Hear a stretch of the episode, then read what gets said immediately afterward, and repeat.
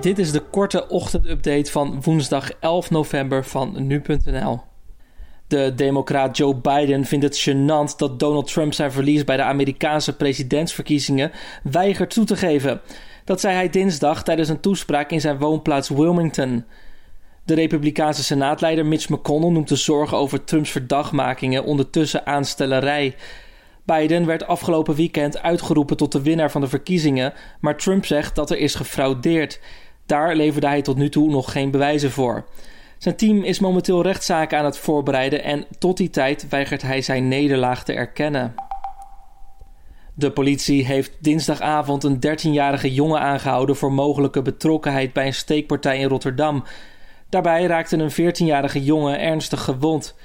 De steekpartij vond dinsdagavond iets na 6 uur plaats in de Rotterdamse wijk Carnissen. Het slachtoffer moest met spoed naar het ziekenhuis. Aan de steekpartij ging een ruzie tussen de jongen en één of meerdere personen vooraf. De Utrechtse gemeenteraad draagt Sharon Dijksma voor als de nieuwe burgemeester. Dat is dinsdagavond besloten na een raadsvergadering waarin werd gestemd over twee voorkeurskandidaten. Dijksma moet de opvolger van Jan van Zanen worden. Hij werd in juli burgemeester van Den Haag. Peter den Oudste was de afgelopen maanden al waarnemend burgemeester van de Domstad. Dijksma is nu nog wethouder in Amsterdam. Het reisadvies voor Zweden is dinsdagavond aangepast naar oranje. Dat laat het ministerie van Buitenlandse Zaken weten op Twitter.